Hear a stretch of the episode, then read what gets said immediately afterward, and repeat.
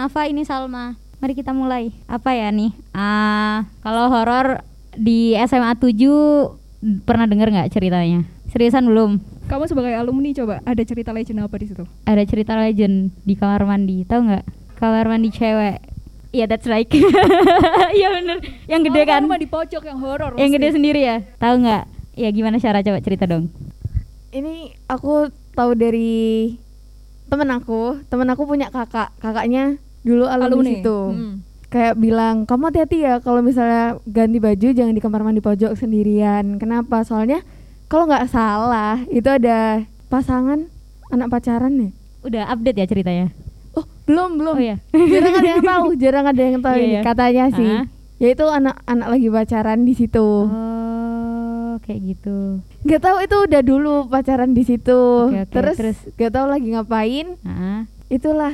Terus gak tahu mereka itu kayak lagi ngapain. heeh. Gak bisa kebuka pintunya Oh, apa iya. gimana gitu berdua. Ini ini Terus ini horor kan? horor. Oh iya iya. Terus itu dia apa ya? Ada yang meninggal di situ apa gak tahu? Sumpah. Hmm, yang cowoknya apa kok? Oh. Ya, Terus nggak bisa, nggak bisa, nggak bisa keluar dari situ. Tapi si cowoknya itu tetap di situ, nggak bisa bener-bener apa ya? Itunya kecepit. Ya itu, nggak bisa keluar dari situ. Katanya sih gitu. Yang ceweknya udah bisa, yang cowoknya itu nggak bisa sampai meninggal di tempat. Katanya, katanya masih katanya itu. Soalnya kan dari cerita turun-turun gitu kan, bukan langsung cerita dari orang itu langsung. Udah Kamu angkatan berapa? angkatan 2019 masuk SMA 2019 2019. Itu Iya. cerita dari angkatan kamu ya 2019 ya. Sekarang kita dengarkan kalau versi angkatanmu gimana? Kalau versi angkatanku kalian du- 2019 baru masuk SMA. Kalian kelahiran 2005. 2004 Oh. OMG oke. Oke, ini update ya. Empat tahun yang lalu ceritanya adalah eh tiga tahun yang lalu ceritanya adalah kalau di pojok itu eh, ada cewek gitu. Cuman nggak tahu eh, ceweknya kenapa ya. Cuman dia tuh emang suka ngawasin orang kalau misalnya ganti baju di situ. Begitu guys ceritanya. Kalau misalnya di versi angkatanku ya. Kayak gitu. Terus sama si di ini nih. Tahu nggak sih kan ini kamar mandi cewek nih. Kamar mandi cowok tengahnya itu kan ada kayak gudang gitu sih. Nah, di situ juga katanya. Tapi aku juga nggak pengen tahu sih ceritanya tentang kayak gituan gimana. Karena emang menakutkan ya, Sis. Begitu. Kalau anak angkatan bawah eh angkatan 2020 ada cerita nggak horor dari SMP, SD, rumah mana? Oke, boleh. jadi ini aku sendiri yang ngalamin Eh, dulu kan aku kan mondok ya nah terus itu setiap jam setengah sepuluh tuh kayak ada peringatan gitu buat semua anak pondok di kamarnya setiap jam setengah sepuluh tet habis bel itu pasti tuh di atas tuh ada yang kayak suara geret kasur terus kelereng kayak ditumpahin terus kayak suara apa sih bola bowling dijatuhin. Nah waktu aku kelas 7 pertama kali eh, jadi anak pondok itu aku tuh mikir ya waktu itu sekitar jam 11an aku tuh habis belajar. Terus tuh kayak mikir kayak sumpah ini anak eh, kamar atas berisik banget sih padahal ini jam 11 malam gitu kan.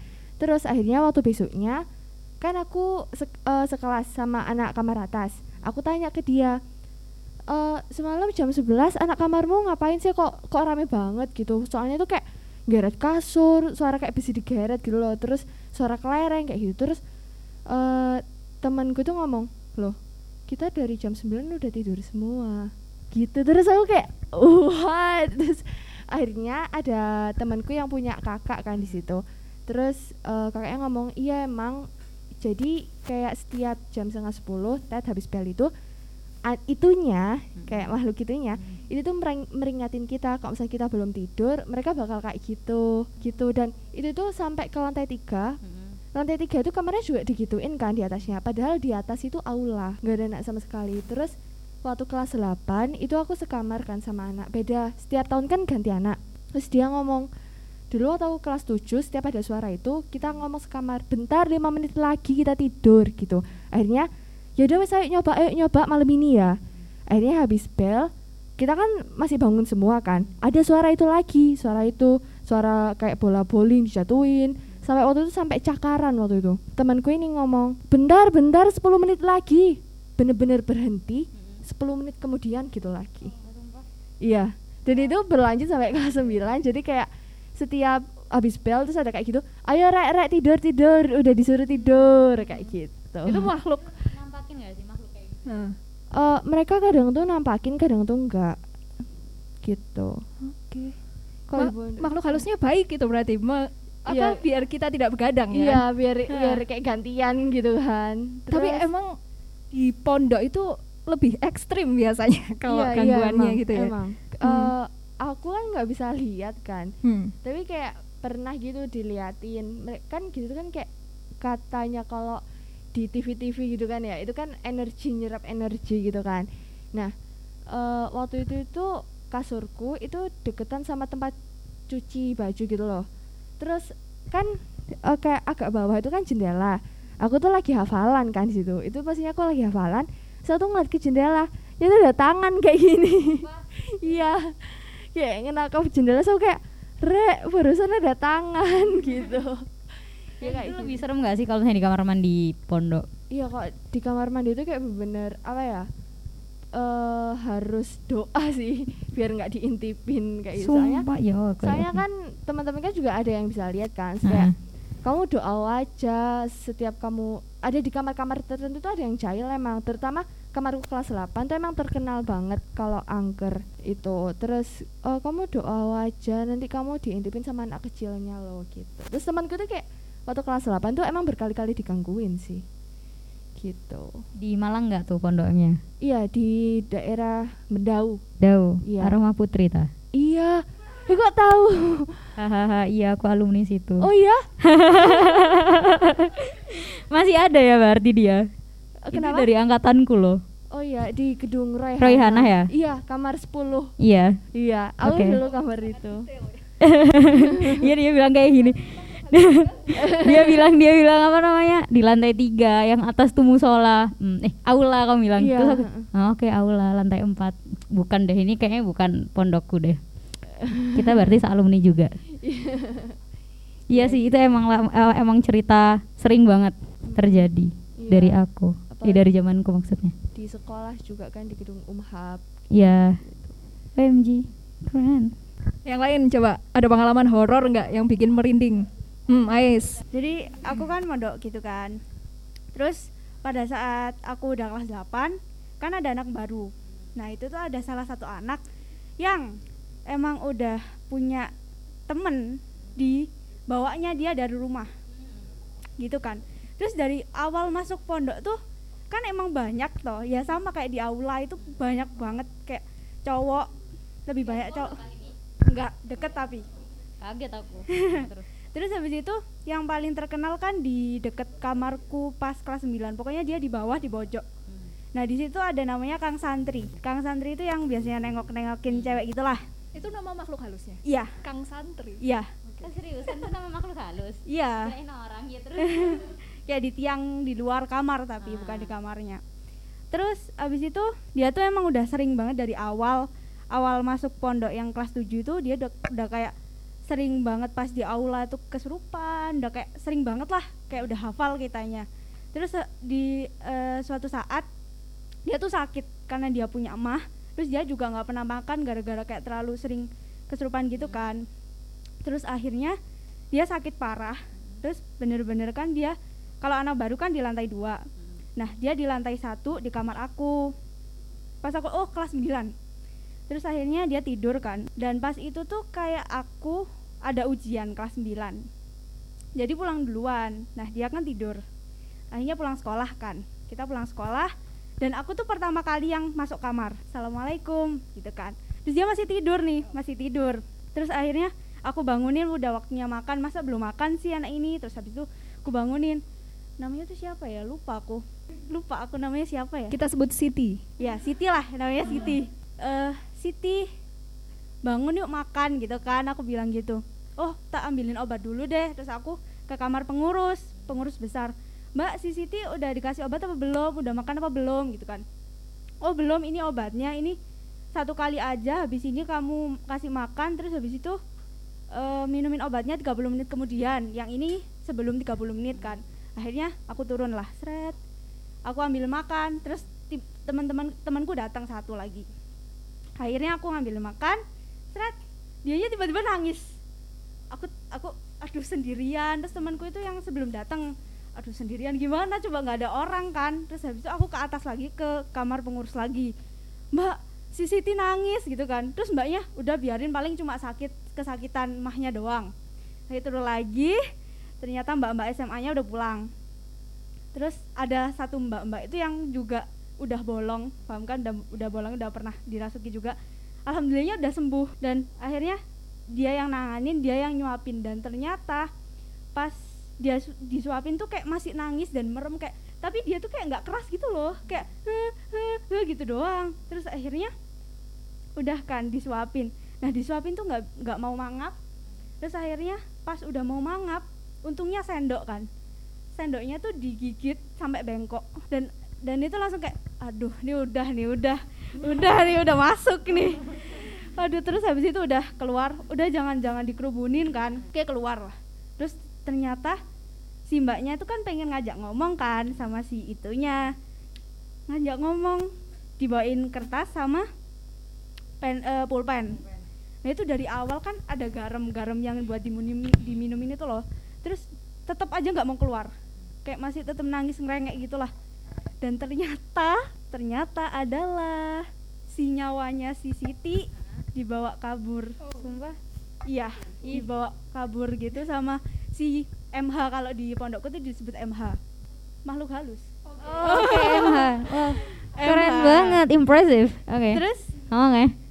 terus akhirnya ternyata kan udah udah banyak cerita toh Mm-mm. kalau dia tuh disukain karena dia tuh cantik Gus mbak Oh, kayak alisnya tebal putih cantik lah pokoknya imut gitu kan terus ternyata si si yang ikut dari rumahnya sama yang dari pondokku itu dia berantem karena suka si Siti itu tadi.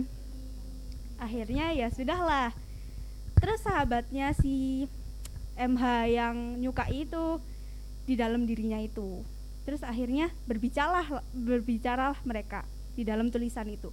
Di mana? Di mana sih si Siti itu? Dibawa kabur ke mana dia aku nggak tahu gitu kan kayak udah kehilangan lah itu. Terus sekarang kamu harus nyari Siti sampai ketemu. Nggak tahu mau dibawa ke mana pokoknya kembaliin di sini. Kamu nggak kasihan tadi dia tuh lagi sakit gitu kan. Akhirnya buatin peta sekarang. Dan itu tuh masih kayak lama gitu loh ngob- ngajak ngobrolnya tuh singkatnya lah. Terus akhirnya dibikinin peta. Ini dari pondok nih ke mana nih? Di di apa sih? Ditulisin kan. Dari sini terus ke MTS ku terus belok ada sawah-sawahan. Lu terus nih ke mana? Nggak tahu. Terus kayak langsung panik semua kan. Terus usta- ustazahnya itu masih di sekolah sama satunya nggak tahu ke mana gitu kan.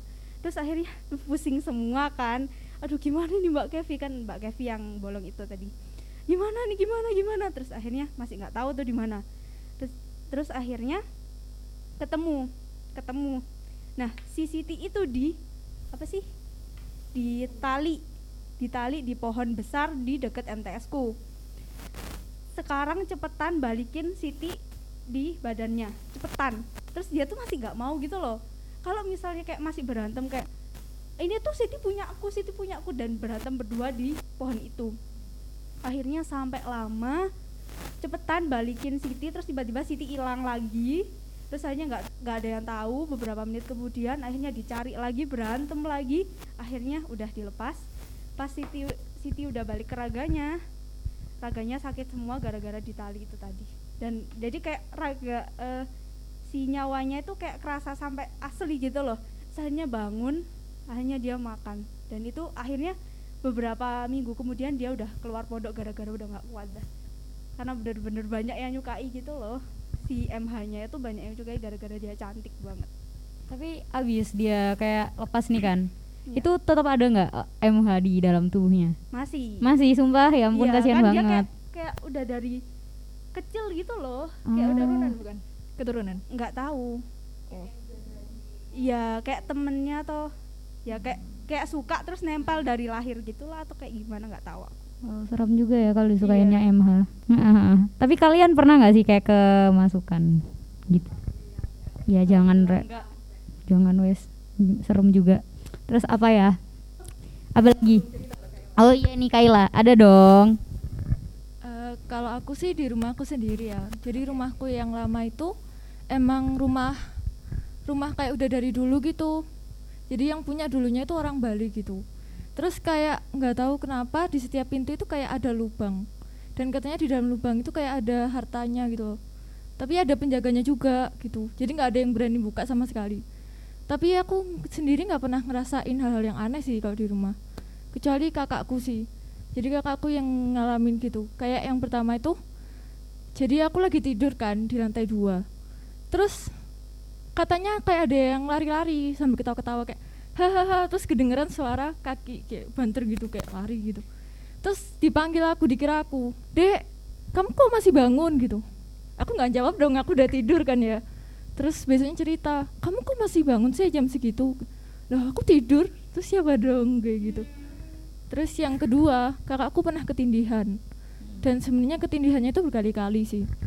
Jadi kayak tapi yang parah itu ketindihannya sampai katanya hantunya itu kelihatan di depan wajahnya persis. Jadi katanya kan pakai selimut tuh. Ini bener-bener kayak kejadian di di webtoon webtoon gitu lah, di film-film. Jadi kayak selimutnya tuh ngangkat gitu, kayak ada orang di dalamnya. Dikira aku, tapi nggak bisa gerak badannya. Jadi kayak udah, waduh ini kayaknya bukan orang ini terus kayak gitu terus kayak ngangkat ngangkat ngangkat pasti buka nggak ada orang kayak gitu tapi sadar kan? Eh maksudnya bangun Iya. langsung bangun kan? Iya langsung bangun. Terus pernah yang katanya itu ngadep langsung gitu hantunya. Itu katanya kayak ngomong sesuatu gitu. Kalian tahu nggak sih kayak baca webtoon Kemala? Ada yang baca nggak? Webtoon Kemala? Jadi itu dia ada soundnya. Soundnya itu bener-bener kayak kita kalau denger tuh merinding bener. Itu soundnya kayak kayak itu kayak ada yang bisik-bisik kayak banyak gitu kayak gitu. Kayak gitu iya tapi kayak nggak jelas gitu. Enggak aku udah pindah sekarang. Iya. Apa namanya? Kan kamu udah kan kamu pindah nih. Terus Iya. nggak direnovasi gitu? Eh, Itu bolong-bolongnya direnovasi. gitu. kalau sekarang nggak tahu yang punya rumah itu Hmm. gitu gimanain gitu. Kayak Hmm. gitu orang Bali? Iya orang Bali. Katanya yang yang pernah yang bisa lihat itu katanya pernah lihat hantunya itu nggak nggak cuma satu. Ya itu kayak anak kecil terus kayak ada yang pakai baju adat adat kebaya kayak gitu nari-nari katanya. Terus kayak ada cowok juga ada terus kayak aku baru aku baru tahu setelah pindah sih. Jadi kayak kok aku nggak ngerasa apa-apa ya di situ ya? Tapi orang lain kayak yang lihat aja kayak kayak orang ada orang gitu tamu gitu pertama kali datang ke rumah itu dia langsung tahu gitu. Ini di sini ada sesuatu ya kayak gitu. Ada penunggunya ya kayak gitu. Di rumah Eh, itu lama sih dari mungkin sekitar lima tahun gitu sampai aku masuk SMA sini OMG gitu. aku paling ini sih paling nggak berani banget kalau misalnya masalah perhantu-hantuan gitu. Iya. Sebenarnya ini kita bicarain katanya. Iya. Datang. ngomongin hantu tuh jempolnya harus diangkat. Btw dari oke.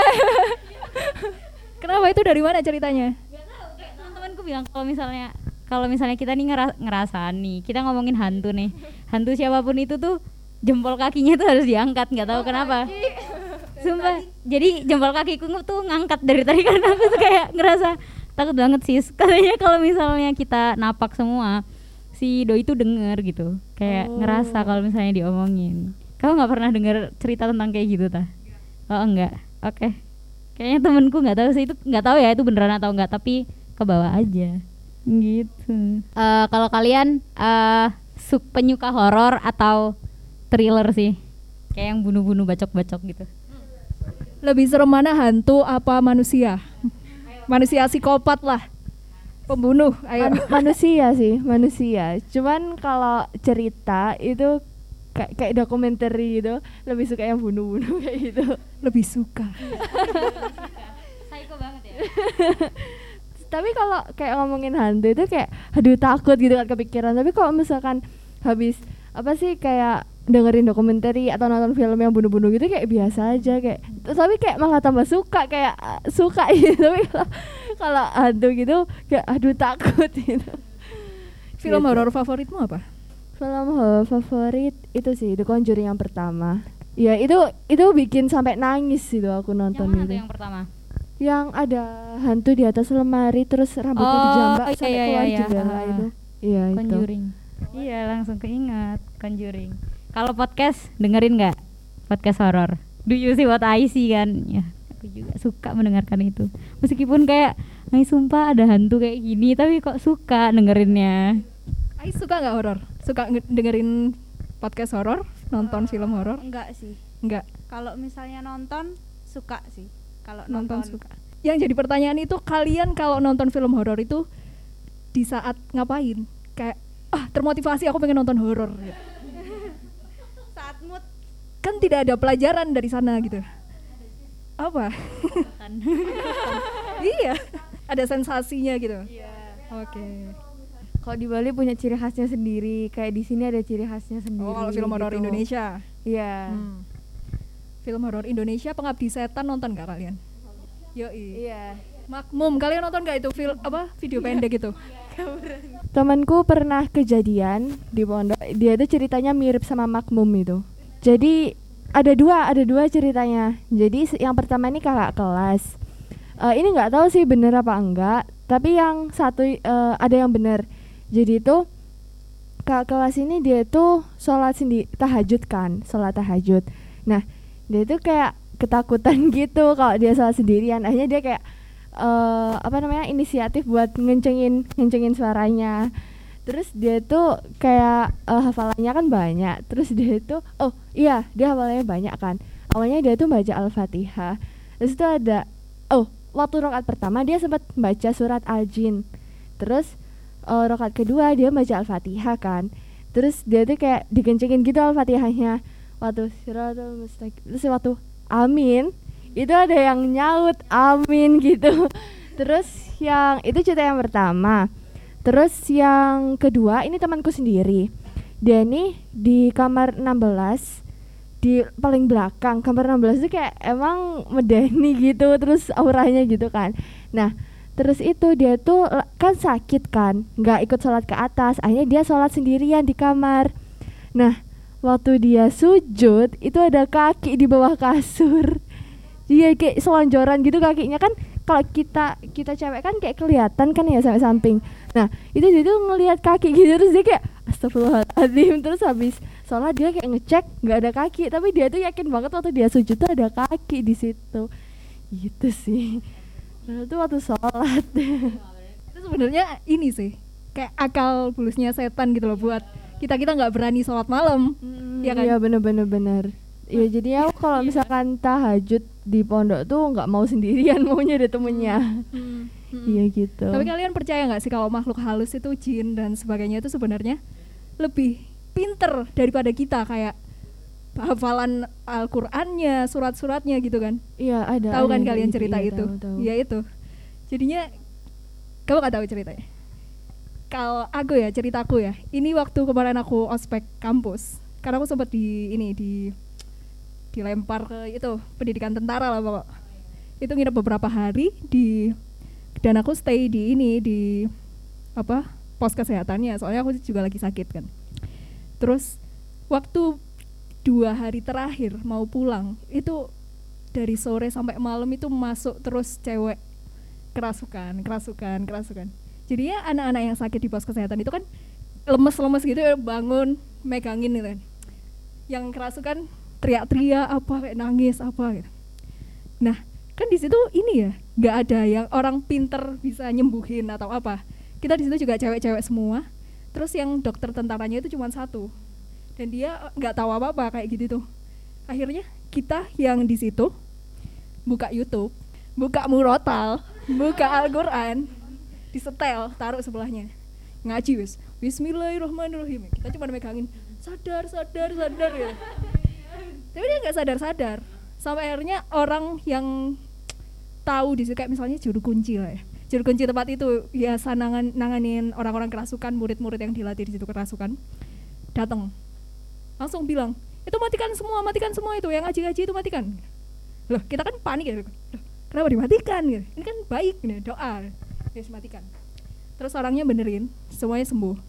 Terus waktu selesai semua kita dipanggil.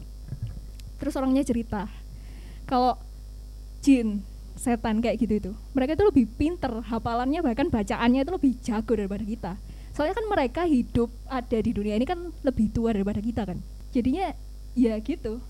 Kalau misalnya kita baca surat baca apa biar biar dia sembuh biar kita apa kalah hafalan kita sama mereka yang bedakan adalah iman kita kan di dalam diri kita gitu loh jadinya itu aku kayak oh, oke berarti emang aku lebih bodoh daripada setan Tapi ngomong-ngomong tentang kerasukan, aku tuh Hmm. ada cerita dari kakakku. Ini enggak yang medeni yang sampai gitu sih. Cuman kakakku itu kan ata, eh, jadi atasan di satu company gitu kan. Nah, terus waktu itu eh, di satu hari itu tuh pad- eh, cewek-cewek di kayak satu ruangan itu tuh pada kayak kerasukan semua gitu loh. Terus waktu kakakku ke sana itu tuh ceweknya ada yang ngomong oh tempat ini nggak ditahlilin. Eh kok ditahlilin sih? Apa sih? Diselamatin kayak didoain gitu gitu terus kakak aku tuh cuma diem ya di depan pintu. Terus aku gini ini semua kalau misalkan kerasukannya nanti sampai jam 4 belum selesai saya pecat semua. Sebelum jam 4 udah selesai semua kerasukannya. Iya padahal kakak aku ngomong kalau jam 4 belum selesai ini kerasukannya nanti saya pecat ini yang kerasukan kerasukan terus sebelum jam 4 udah terus kayak udah tiba-tiba sembuh sembuh sembuh. Nggak ada yang kerasukan lagi. Itu kayaknya itu kayaknya bukan kerasukan sih. Ya kayaknya pura-pura deh. Cari perhatian. Iya. Kayaknya dia latihan jadi artis itu. Keren banget ya. Ada lagi nggak cerita? Syara Rash Syara. Kalau pengalamanku bukan yang tentang hantu ya. Kakak percaya kodam nggak? Kodam.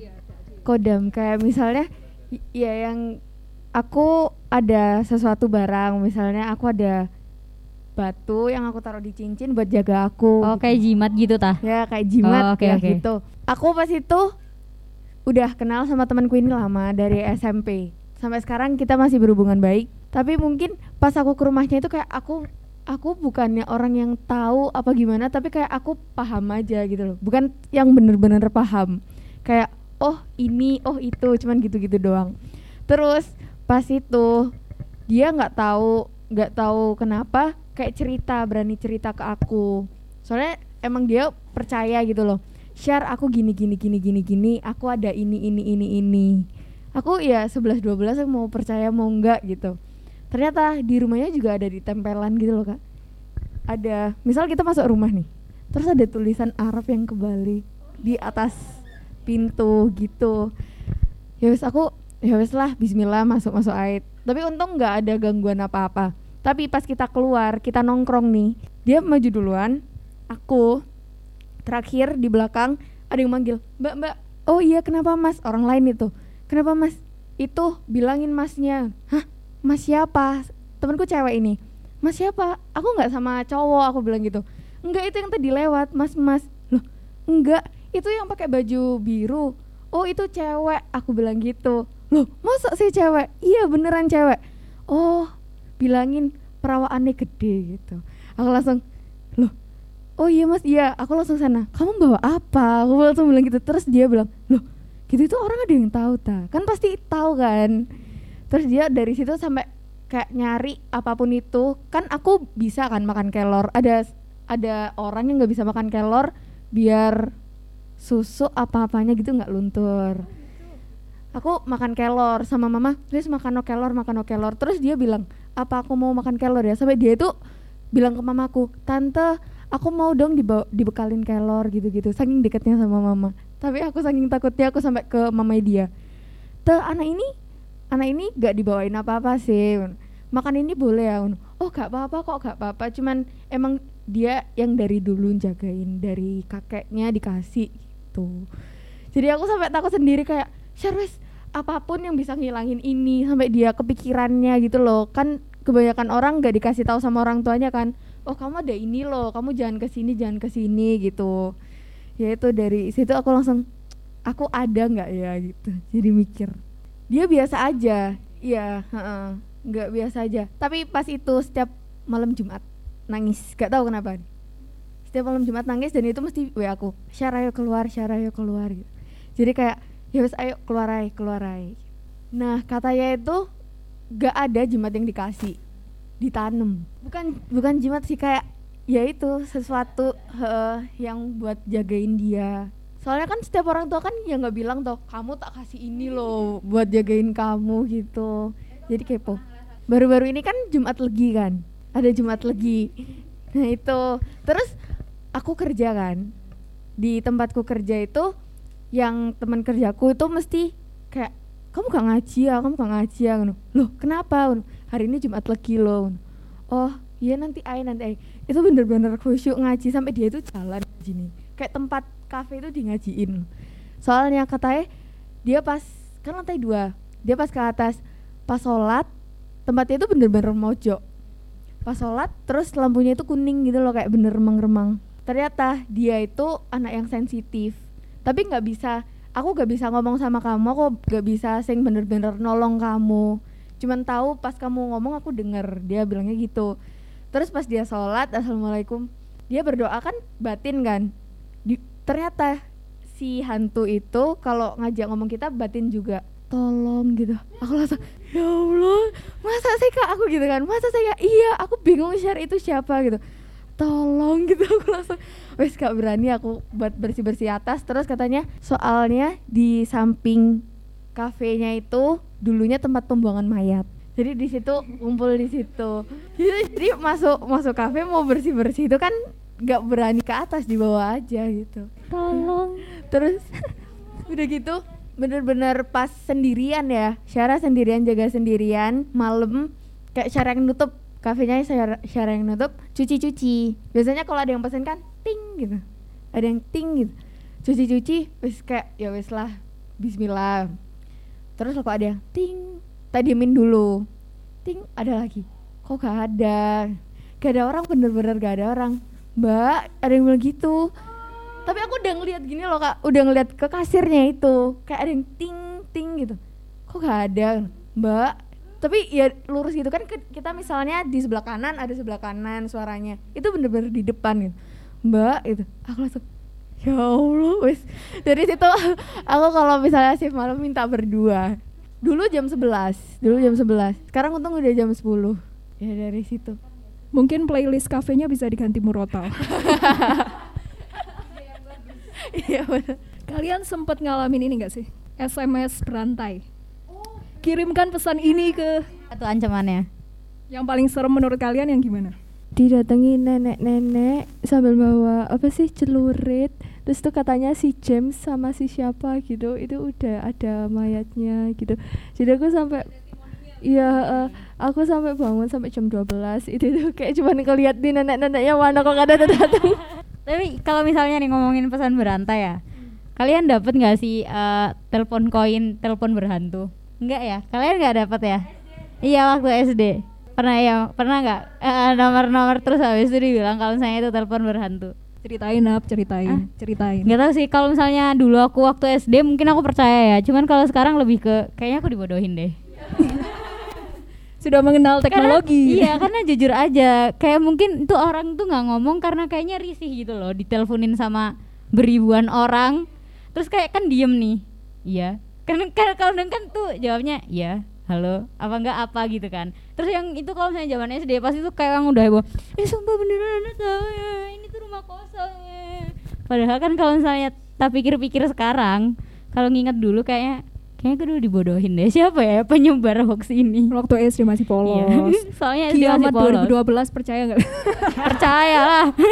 Percaya tahu tapi ada filmnya loh, keren. Iya. Dokumentasi. Masih ingat gak kiamat. hari di mana itu? Tanggal berapa sih Desember? Jumat nggak sih kalau nggak salah harinya? Desember 2012 lah pokok. 12 Hari Desember. itu. 12 12 12. Hari itu. Ingat gak? Kau menjalani hari itu. Gak tahu sih. Takut sih kayaknya. aku sih ingat. Aku bangun bangun bangun pagi ya. Seret. Aduh, tanggal ini kiamat. Kok sekolah gak libur ya? Aku. Terus aku sekolah dengan penuh kewas-wasan. Rek, rek, rek, rek. Kiamat loh hari ini. Aku, iya, entah nono wis.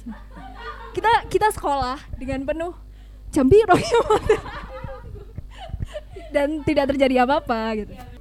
Pesan berantai tadi kamu kirim nggak? Kamu percaya nggak? Kamu kirim itu ke teman-temanmu? Iya. aku sampai ngirim ke orang tuaku sampai saya kan temanku kan dikit ya waktu itu ya Allah kayak kayak itu tuh pokok apa ya kan ada targetnya kan kirimkan ke berapa puluh orang 50 orang gitu kan so kayak duh sumpah ini kontakku masih segini jadi aku kayak masa kirim ke orang tua sih yaudah nggak apa daripada aku mati sekarang kan ayah ayah tak gitu aku kayak loh gimana nih kalau misal mamaku yang kena nggak apa-apa sih mama kan pak pasti kayak pinter gitu kan nggak apa-apa mas kayak gitu kayak aku kan masih kecil gitu nggak bisa nu Wow, impressive. Kayaknya semuanya pernah kena hoax tentang pesan berantai deh. Kamu ada nggak? Kamu pernah nggak? pesan berantai tentu pernah. Kamu ngelakuin? Dan itu adalah pengalaman yang tidak pernah kulupakan Pasti kamu ngelakuin. Oke.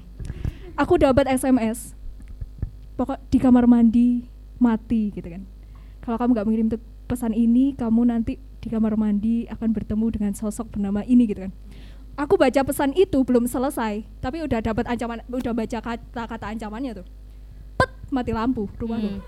waduh beneran dateng ya beneran dateng ya? Gimana ya gimana ini terus gak lama setelah itu kan aku disuruh mamaku ngambil ke bawah lah ngambil apa ya? Ke bawah. Kok aku ngeliat di jendela kamar di jendela kamar bawah itu ada merah-merah gede. Wush wush wush tapi gerak-gerak. Aku ngeliat apa itu apa itu? Tak lihat tak buka seret kamu tahu apa? Kandang ayamnya bapakku kebakaran. Kandang ayamnya bapakku kebakaran coy. Sumpah. Ini beneran kebakaran dah. sumpah. Satu keluarga langsung berbondong-bondong ngambil air dari kamar mandi. Terus kamu lupa? Aku Lupa lupa, tentang dengan pesannya. pesan itu. Yoi. Aku dari itu trauma makan ayam panggang selama beberapa tahun. Ada pengalaman menarik lagi gak kalian? Kalau yang bahas tentang telepon-telepon yang berhantu itu tapi itu kayak banyak juga yang ngomongin kayak sampai di channelnya Nancy Judge kayak gitu kan. Itu kan kayak nomor kesekian kesekian gitu kan. Eh, kayak emang banyak banyak orang yang percaya nggak cuma yang di telepon koin tuh kan. Kayak emang ada kayak official official ghost gitu ya kayak gitu sih. 011 ya? Yang profil WA-nya kayak kartun tapi animasi-animasi. Oh tapi itu nyeremin iya nggak iya iya itu yang kayak Jepang Jepang Iya. yang yang dia kayak bawa pisau gitu Iya, kan. betul. Iya Momo. Iya. Go internasional iya sampai go internasional. Terima kasih waktunya buat Mm-mm. teman-teman dari SMA 7 Iya kan Rina? singkatan SBBC SBBC. Eh, terima kasih buat waktunya udah mampir Iya. ke kita ke EJSC ke Bingkai Ah. Karya semoga setelah ini kalian semangat bikin karya bikin podcast konten-konten Smith Oke, ya. terima kasih pengalaman dan sharing-sharing yang merinding tadi. Iya, semua aku out of the box sih. Kayak MH. Makasih ya infonya. Makasih banyak loh. Kang Santri. Aku dapat banget informasi MH ini. Hmm. Mungkin kalian mau titip salam ke MH dan Kang Santri. Enggak. Oke. ya udah kalau gitu. Terima kasih. Dadah.